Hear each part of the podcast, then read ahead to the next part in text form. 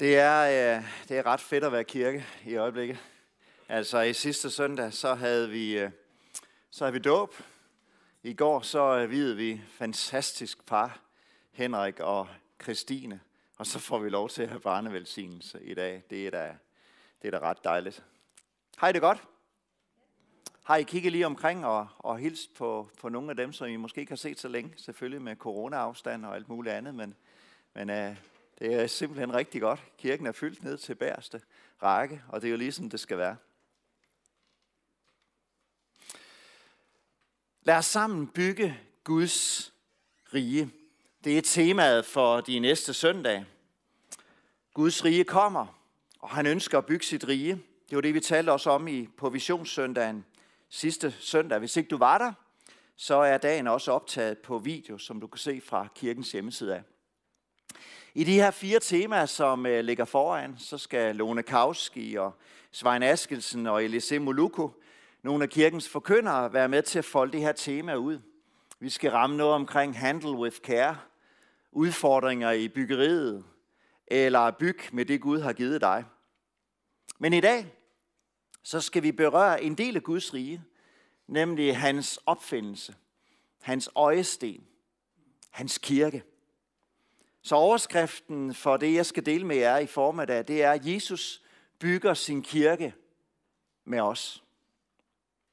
Og som vi skal se i det afsnit, vi skal være sammen om, så må vi få lov til at være med i øh, kirkebyggeriet. Men det er Jesus, der bestemmer. Det er ham, der har missionen. Det er ham, der har visionerne.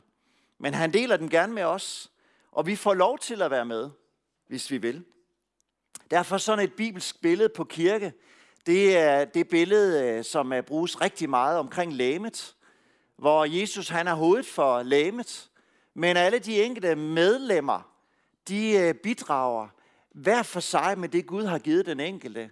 Men det er altså hovedet, der bestemmer. Nogle gange så har jeg løbt, mødt den her bemærkning. Øhm, kommer du op i Kents kirke? Må jeg være fri? Er ikke mig, der har nogen kirke, eller dig, der har nogen kirke. Det er Jesu kirke. Og vi er et team, og vi er medlemmer på den her kirke. Og sammen, så skal vi være med til at bygge det, som byggelederen, det som arkitekten har for øje med sin kirke. Og derfor er det selvfølgelig afgørende, at vores vilje er underlagt hans. Og at vi er optaget af, hvad er det, du vil. At der så er en parallel til et fysisk kirkebyggeri, som vi tror ligger foran os og i løbet af den næste måneds tid skal tage stilling til, det er jo så et interessant sammenfald. Men kirkebygningen, det er altså ikke kirke. Det kan danne en fantastisk ramme for meget af det, som Jesus ønsker, når han ønsker at bygge sin kirke. Og den tekst, vi skal stands op ved i formiddag, den finder vi i Matthæus kapitel 16, vers 13-20, og øh, du må gerne blive der i din bibel, hvis du har sådan en med, eller på din iPhone, for vi kommer ikke andre steder end de syv vers i dag. Det er et af de to steder i det nye testamente, hvor Jesus taler omkring kirke. Det andet sted, det finder du faktisk i kapitel 18 i Matteus evangeliet, hvor Jesus taler om, at når øh, det, der er vigtigt i kirken, det er, at der er genoprettet forsonende relationer at vi tilgiver hinanden, og hvis din bror forsynder sig imod dig, så gør du, hvad du kan for at få genoprettet relationen. Det er det ene, Jesus siger om kirke. Og det andet, han siger om kirken, skal vi læse i dag, det er, at han bygger sin kirke. Skal vi prøve at læse sammen? Da Jesus kom til området ved Caesarea Philippi, så spurgte han sine disciple – Hvem siger folk, at menneskesøn er? De svarede, nogen siger Johannes Døber, andre Elias, andre igen Jeremias eller en af profeterne. Så spurgte han dem, men I, hvem siger I, jeg er? Simon Peter svarede, du er Kristus, den levende Guds søn. Og, Jonas, og Jesus sagde til ham, særlig er du, Simon Jonas' søn. For det der, det har kød og blod ikke åbenbaret dig, men min far i himlene. Og jeg siger dig, at du er Peter, og på den klippe vil jeg bygge min kirke, og dødsrigets porte skal ikke få magt over den. Jeg vil give dig nøglerne til himmeriget, og hvad du binder på jorden, skal være bundet i himlene. Og hvad du løser på jorden, skal være løst i himlene. Der forbød han strengt hans disciple at sige til dem, til nogen, at han var Kristus. Den her tekst, den er blevet fortolket rigtig mange gange op igennem historierne. På den ene side, så har du alle dem, som tænker, at Peter er noget fuldstændig særligt i den her sammenhæng. Hvilket han også er. Det er en samtale mellem Jesus og Peter. Og på den anden, så er det alle dem, som tænker, nej, Peter er ikke noget særligt. Det her, det gælder for alle disciplene, og det gælder for alle troende, de ting, der er omtalt i den her tekst. Jeg tror, der er sådan en slags mellemposition, som kan hjælpe os til at forstå, at Jesus bygger sin kirke. Men vi har også en rolle i den kirke, som Jesus ønsker at bygge. Det er sådan, at Jesus han tager disciplerne væk fra Galileas sø, og så tager han dem op i bjergene 40 km nordfra. I Galileas sø, der var de på hjemmebane, men nu fører han dem op i et hedensk område. Der ved bunden af, af Mount Hermon. Sikkert fordi, at Jesus han vil være alene med dem, uden alle de der mange skare. Og så kommer de til sted, som enighed oprindeligt hed Paneas, eller Pan. Så det var stedet, hvor man tilbad guden Pan. En kilde i en grotte var vi til den her græske naturgud, som gav navn til stedet. Men så kommer Filippi, eller Herodes, den store søn, Filippi, og så øh, giver han så byen et nyt navn, Caesarea Filippi, altså Philips by til Cæsars ære. Så her var der både kejsertilbedelse, og der var græsk tilbedelse af guderne. Så nogle tilbeder mennesker, andre tilbeder pan. Men hvem er jeg, siger Jesus så i den her kontekst. Typisk Jesus sådan lige at næle den på det rigtige sted. Mens alt det der foregår af tilbedelse, hvor er I så? Hvad tænker I? Og så kommer noget af den, den bekendelse, der står aller, aller mest centralt i kristendommen. For Jesus beder disciplene om at give ham sådan en slags meningsmåling. Sådan en voxpox. Biden-Trump-agtigt. Hvem siger folk, jeg er? Hvad tror folk, at min identitet er? Og det er store navne, der bringes på scenen der. Johannes Støber er der nogen, der mener. Det mente Herodes Antipas i alle fald. Han mente, at Jesus han var opstået igen øh, i sådan Johannes Støbers skikkelse. Andre sagde Elias, som skulle være en forløber for Messias. Andre sagde Jeremias, som måske lignede Jesus mest på nogle felter, som der også var sådan en tilknytning til. Og andre sagde, ja, en anden af de store profeter fra det gamle testamente. Det var ikke så underligt, at folk de troede, at han må være den profet. Men han var bare ikke sådan lige at putte i en boks, ham Jesus. I de der bokser, som allerede eksisterede. Han var noget mere, og han var noget andet. Jeg ved ikke, hvem du mener, Jesus er. Hvad din holdning er til ham. Hvor han befinder sig hos dig. En god lærer, et godt menneske, lærte fine ting. Men overvej det lige et øjeblik. Fordi du bliver mødt af det samme spørgsmål, som Jesus mødte disciplene af. Hvem er jeg? Og så siger han, men I, hvem mener I, at jeg er? Jeg, der kender mig allerbedst. Jeg, der har gået og sovet og spist med mig. Set mig i alle afskygninger. Set mig helbrede. Opvæk de døde. Gå på vandet. Tilgive mennesker deres synd. Vær utrolig populær.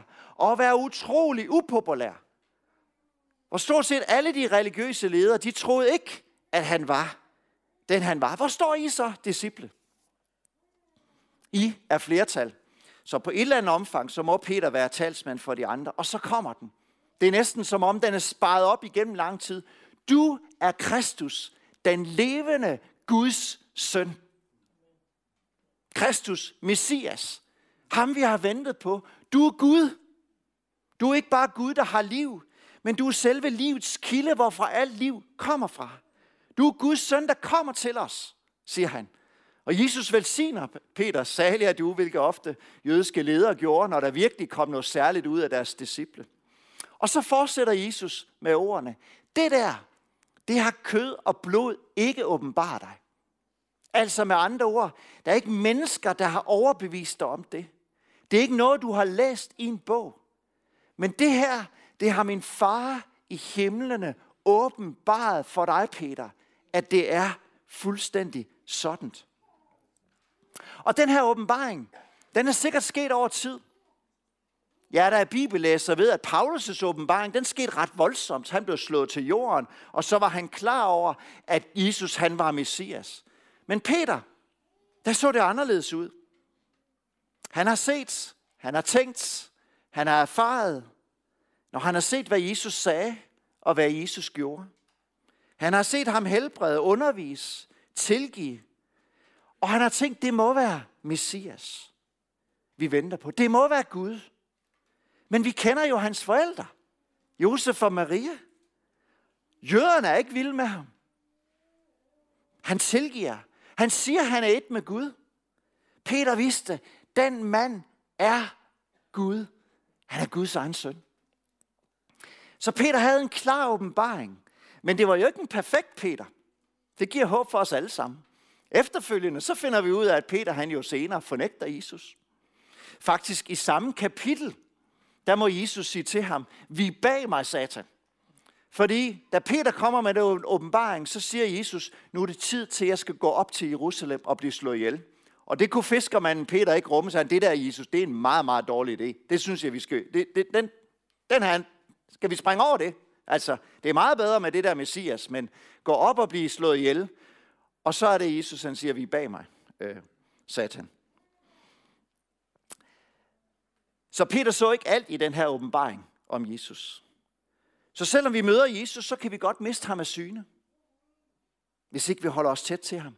Og Peter er et godt eksempel på, at det ikke er nok at leve og tro på den her åbenbaring om, hvem Jesus er.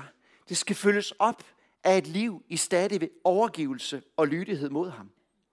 Der er meget, Jesus ønsker at åbenbare for os endnu, venner. Men det begynder med overbevisning om, hvem han er, Guds søn. Har du samme åbenbaring som Jesus, eller som Peter? Tror du, Jesus er Guds søn? Eller så kan du den her formiddag få et møde med den her Jesus, så han selv kan åbenbare dig over for dig, hvem han er, hvis du tør åbne dit hjerte for ham. Her i søndags, da vi havde dåb, så kom der en bag til mig efter dåben og sagde, jeg vil også døbes, for jeg ved, at Jesus er Guds søn. Det har han selv vist mig. Jeg er klar over det. Så er Jesus bare en god ven? En, du møder i kirken? Eller har han fået lov til at åbenbare dig som Guds søn? For han stadigvæk lov at vise nye sider af sig selv. Det ønsker han. Og i den her tid, så tror jeg, oplever jeg ved, at vi er mange, der sidder med sådan en længsel om en større åbenbaring af Jesus. Der er et eller andet, sådan en tørst efter Gud. Du må vise mere af dig selv. Vi er simpelthen ikke tilfreds. Det er ikke nok, det vi har set og oplevet. Du vil give os mere, og vi ønsker det sådan. Vi tror, det bliver vigtigt for os. For kirkebyggeriet, både det fysiske og det åndelige, at vi sidder med en stadig længsel efter Jesus åbenbarer for os. Bliv stor i vores liv. Så Jesus han bygger sin kirke på åbenbaringen om, hvem Jesus han er. Henvendt imod Peter, så siger Jesus, efter at Peter er kommet med sin udtalelse, du er Peter. Ligesom Gud har åbenbaret noget for dig, så vil jeg gerne åbenbare noget for dig, Peter. Og så spiller Jesus på Peters kælenavn Kefas, klippen. På den klippe vil jeg bygge min kirke. Metaforen klippe den bruges meget forskelligt i det nye testamente. Nogle gange så øh, bruges den som øh, Jesus, som er klippen, som er hjørnestenen. Andre gange så bruges billedet som en beskrivelse af kirken, som står på, på profeternes og, og, og øh, apostlenes grundvolde. Og i det her tilfælde, Peter, du er klippen. Ligesom metaforen lys, Jesus siger, jeg er verdens lys, og så siger han også et andet sted, I er verdens lys. Så ting bruges ofte meget forskelligt. Men hvad betyder det? Teksten her siger ikke noget om, at Peter skulle være ufejlbarlig, eller han skulle efterfølges af en anden Peter. Til gengæld så fortæller teksten os, at Peter er den første, der udtaler den formelle bekendelse om, hvem Jesus er. Og vi læser om Peters lederskab i det nye testamente, som er fuldstændig indiskutabelt. Han er ikke på nogen måde ophøjet end de andre. Han blev også sendt ud af kirken sammen med Johannes for at undersøge et sted. Han blev stillet til ansvar et andet sted, hvorfor, hvorfor han har fortalt evangeliet til ikke-jøder osv. Men alligevel var han primus inter pares, den første blandt ligemænd.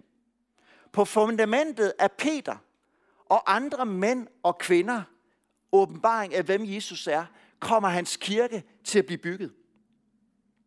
Derfor brugte Jesus så meget tid på den. Så de kunne fortsætte alt, hvad han begyndte på jorden. At kirken blev det, som Jesus havde tænkt, hans lame. Og deres åbenbaring og erfaring med Jesus blev grundlaget for det, som Jesus bygger kirke på i dag. Så den åbenbaring, den tro, du har modtaget, Peter, den kommer Guds kirke til at hvile på. Ikke bare på din åbenbaring, men på alle disciplenes. Og alle, som senere kommer til samme overbevisning i deres hjerte, om at Jesus, han er Guds søn, og begynder at leve med ham og for ham. Og det sker, når helgeren får lov til at overbevise os om, hvad Jesus han er. Og når mennesker åbner deres hjerter og lukker ham ind. Og i den her proces, der bruger Gud så nogle almindelige mennesker, som os, til at fortælle om, hvem Jesus han er. Men det er ånden, der åbenbarer, og det er mennesker, der siger ja tak.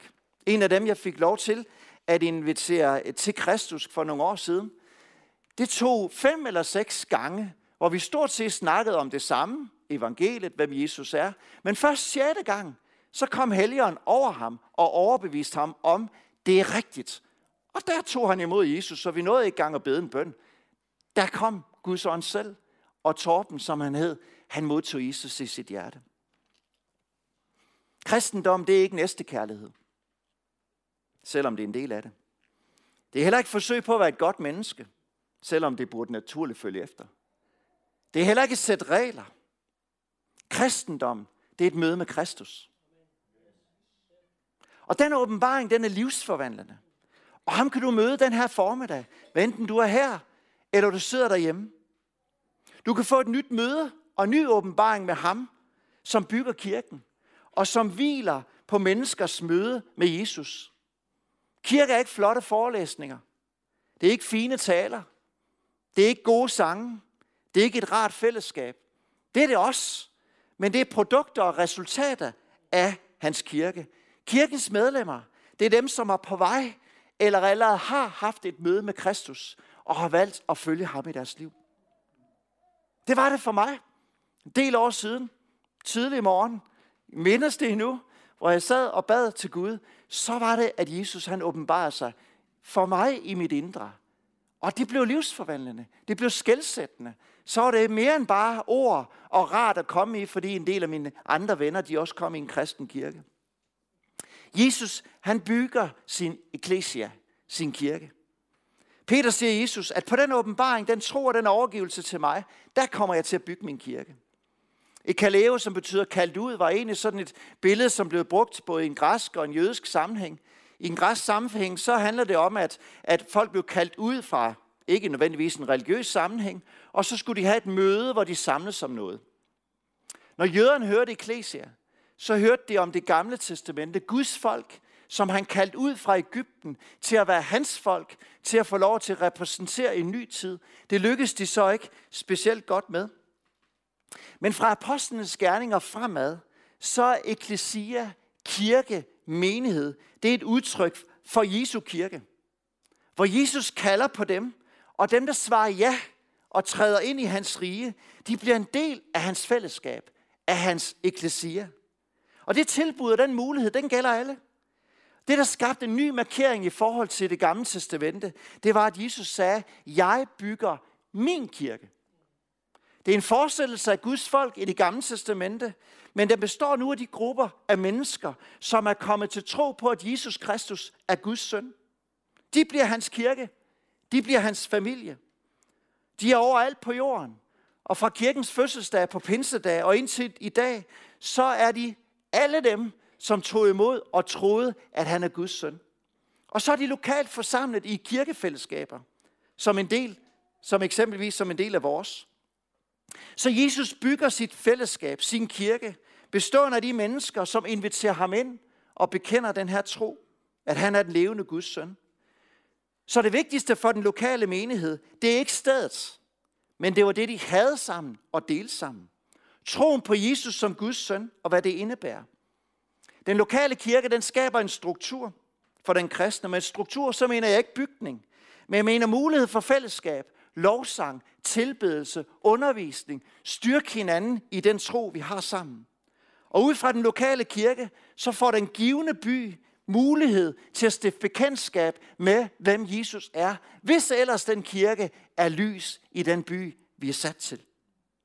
Derfor så det at være en del af og ansvarlig committed til en lokal afdeling af Jesu kirke, det er fuldstændig afgørende, og det er helt naturligt for alle, der har modtaget en åbenbaring om, hvem Jesus han er. De første kristne, de mødtes altid i forpligtende fællesskaber. Store såvel som små.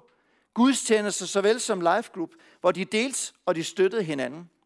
Jesus er bygherren. Kirken er bygget på og funderet på den nye pagt, som er etableret igennem Jesu senere død på korset. I Matteus evangeliet, som vi læser her, der så Jesus frem til, at han vil bygge sin kirke. Han vidste, det først kunne ske igennem sin død på korset for alle vores overtrædelser og det, vi skammer os over. Det gjorde han. Derfor så alle, som har modtaget Jesus i hjertet, købt til at være hans, de er en del af Guds eklesia. Dem, der tager imod ham, dem, der ønsker at følge ham. Så kirken er en manifestation af Guds rige. Den repræsenterer Guds rige her i verden. Så når mennesker skal videre møde Jesus, så skulle det gerne ske igennem hans opfindelse, kirken. Den skulle gerne pege hen på, hvad Jesus er og er i stand til. Så Guds rige og Guds kirke er ikke det samme, men det er heller ikke modsætninger. Når Guds rige kommer og får magt, så kalder det på, at Gud får lov til at regere, Gud får lov til at bestemme. Og hvor skulle det blive særligt synligt? Det skulle gerne blive synligt i hans kirke, der hvor Guds folk er. Guds riges komme i kirken. Så kirken bliver den sidste udpost i historien, før Guds rige kommer til at herske over alt i en ny jord og en ny himmel. Det er hans kirke, der går, hvor han vil hen. Og de mennesker, der er en del af den, på grund af hans nåde og den lydighed, de viser over for ham, får lov til at se, at kirken vokser.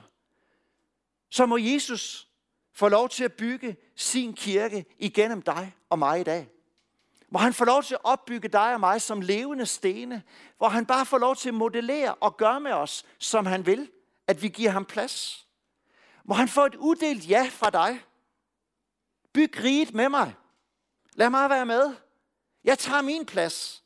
Jeg følger din vejledning. Jeg er en del af fællesskabet. Jeg forpligter mig til den lokale afdeling. Jeg vil bære ansvar med de andre, men det er dig, vi følger, Jesus. Martin Luther han sagde engang, ret provokerende, adskilt fra kirken er frelsen umulig. Ikke forstået at sådan, at kirken skaber frelsen.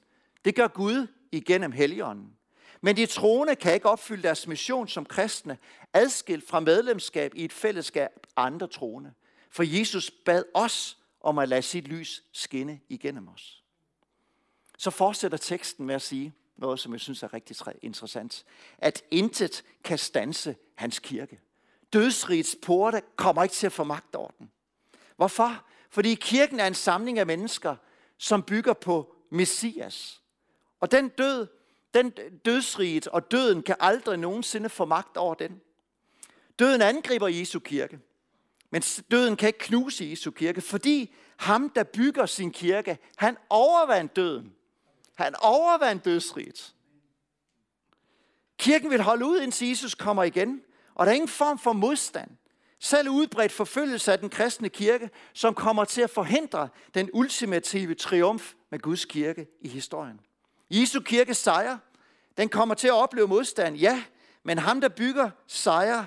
og vi får lov til at opleve, at trods alle angreb, så vil Jesu kirke sejre. Det er gode nyheder.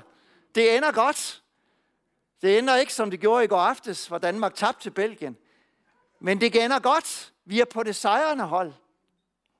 Men hvad er så kirkens opgave i den her verden? Nu skifter Jesus metafor igen. Og så går Peter fra at være en klippe til at få modtaget et sæt nøgler. Jeg vil give dig, Peter, nøglerne til himmeriget. Nøgler, det er altid symbol på autoritet. Den, der har nøglerne, den, der er kigkigger, han kan åbne op, og han kan lukke ind. I det her tilfælde er det himmeriget. Farisæerne, de har stjålet kundskabens nøgler. Og de har ikke bare lykkes med at lukke sig selv ud for riget. De har også lykkes at holde andre væk fra det himmerige. Peter, nu giver jeg nøglerne til dig. Og de er grundlagt på den åbenbaring om, hvem du er. Du, Peter, du kommer til at åbne og lukke døren med den delegerede autoritet, jeg giver dig. Så når Israels elite søger at holde folk ud af Guds rige, så skal du i stedet, Peter, og I andre åbne døren og invitere alle ind i riget, som bekender min identitet. Alle, der vil tro på mig, siger Jesus, er himmerigets dør åben for. Jeg døde for alle, store såvel som små. Ingen særlige forudsætninger. Ikke for dem, der har styr på livet, men dem, der føler sig fattige nok til at sige, jeg har brug for en frelser i mit liv. Det er en hjælp. Det er en kraft i livet. Alle, der åbner, så tror på mig, åbner du dørene op for. Det er gode nyheder om frelse og noget. Og i virkeligheden så er det en udlevelse af det kald, som Peter fik ret tidligt af Jesus, at en dag, så skal du være menneskefisker. Og du skal være med til at se, når mennesker vender sig fra deres egne gerninger og kigger hen på Jesus, så leder du dem ind i mit rige. Omvendt, Peter, så skal du binde på jorden. Der, hvor mennesker forsøger at komme ind i riget på et andet grundlag end nåden. Hold dem ude, som ønsker og tror, at de kan frelse sig selv, eller frelses igennem gode gerninger. Og vi ser Peter gøre det i apostlenes gerninger, og Gud brugte ham mægtigt på pinsedagen for jøderne. Det stak dem i hjertet, og alle, der tog imod, sagde Peter, kom ind i riget. Senere så skete der det vanvittige for Peter, at han blev kaldt til Cornelius' hus, Cornelius som var en ikke-jøde, og oplever sandelig der, at, at evangeliet gælder andre end jøderne, og Peters racisme og smalsporethed får simpelthen et gok, og pludselig så ser han, nej, evangeliet er for andre end mig selv, og så blev han også en nøgle til grækernes møde med Jesus. Samtidig var der andre, han lukkede ude. Dem, som ville komme af andre veje end troen på, at Jesus han er Guds søn. Gælder det så kun Peter at kunne binde og løse? Selvfølgelig gælder det ikke. Vi er kaldt til at være menneskefisker, kirke. Vi er kaldt til at være salt og løs. Vi er kaldt til at prædike de gode nyheder. Vi er også kaldt, kaldet til at kalde på omvendelse og forbyde indgang til riget på andet end det grundlag og den åbenbaring om, at Jesus han er Guds søn. Vi, som var langt borte, vi kan få lov til at kalde os Guds børn. Men på det grundlag, som Peter stod på, som disciplene stod på, og som alle efterfølgende kristne står på. Peter var fundamentet. Han var klippen baseret på hans åbenbaring af, hvem Jesus er. Men ved siden af Peter som klippe, der ligger de andre disciple. Der ligger vi andre, som bygger på samme grundlag. Peter og de første apostle, de var nøglepersoner. Men de nøgler, de er også givet til os i dag, alle der tror, at vi kan få lov til at formidle troen på Jesus, og alle der tager imod, de får lov til at komme lugt ind i himmeriget og få et nyt liv. Det er også opgave som kirke. At bringe de gode nyheder ud, der hvor Gud har placeret dig og mig i morgen. Og så slutter Jesus med at forbyde den, med at sige, at han er Kristus til nogen. Og man tænker, hvorfor så det? For det første var disciplene ikke forberedt, det kunne vi se. Og for det andet, så var Jesus ikke død på korset endnu, som banede vej for, at hans kirke skulle få lov til at blive etableret. Så det gav god mening. Så Jesus er nu i gang med at bygge sin kirke. Kan jeg bede lovsangen om at komme op? Den hviler på det, som Jesus gjorde på korset. Det er funderet på den åbenbaring, vi får i mødet med Kristus. Du er Kristus, den levende Guds søn. Og der er ikke noget, der kan stanse hans kirke. Hverken død eller andet. Og han bygger sin kirke i fællesskab med os. Og derfor er der nogle kirkefællesskaber, som ikke fungerer. Derfor er der også nogle kirker, der lukker og slukker. Men Jesus ønsker at bygge sin kirke sammen med os, hvor vi giver ham plads, hvor vi giver ham ret, hvor vi siger, Jesus byg, og jeg vil gerne indtage den rolle, som du har tiltænkt mig. Jeg vil gerne være en del af det lokale fællesskab. Jeg vil gerne være til at løfte ham op, så vi får lov til at se, at Gud bliver stor i vores hverdag. Og den her formiddag, der kan du få et møde med Jesus. For det er ikke teori, det er ikke ord. Han er her for at åbenbare sig. Du kan få lov til at opleve samme bekendelse. Jesus Kristus, den levende Guds søn. Du kan få en ny åbenbaring af Jesus. Der hvor du har brug for et nyt liv, ny kraft. Hvis du er sulten efter mere, så er der en mulighed til stede i formiddag. Kan vi rejse os op? Du kan møde hans kraft, hans mirakler, hvis du er syg på den ene eller anden måde. Her i kirken så er vi sådan, at vi har forbøn herovre herover i, øh, fra min højre side. Jeg vil gerne bede forbøndet om at komme op. Og hvis du står her i formiddag og siger, jeg har brug for Jesus. Jeg har brug for en ny åbenbaring. Jeg har brug for hans kraft. Jeg har brug for et nyt blik. Så er vi her til at være med til at formidle det. Men det er Jesus, der åbenbarer sig selv. Du kan også den her formiddag sige, Jesus, jeg vil være med til at bygge din kirke. Jeg vil tage min plads. Jeg vil overgive mig til dig og din vilje. Jeg vil være med her i Randers. Jeg vil være med i den lokale afdeling. Jeg vil involvere mig i det, du gør, og være den brik i puslespillet, du har tiltænkt mig. Jeg vil være mere frimodig i min hverdag. Jeg vil bruge de åbne døre og de muligheder, Jesus han har givet mig, til at være med til at formidle håb og tro igennem Kristus. Og det kan vi søge sammen den her formiddag. Så når et øjeblik lovsangen går i gang, så har du mulighed for at træde ud af rækken og få en bøn herover. Og lad os søge Gud sammen i den her tid. For Jesus, han kommer til at bygge sin kirke. Det spørgsmål, det efterlader os, det er, vil vi være med? For det bygger ikke på fine ord og gode beslutninger. Det bygger på en åbenbaring af, hvem Jesus er. Kom og mød os her, det beder vi om.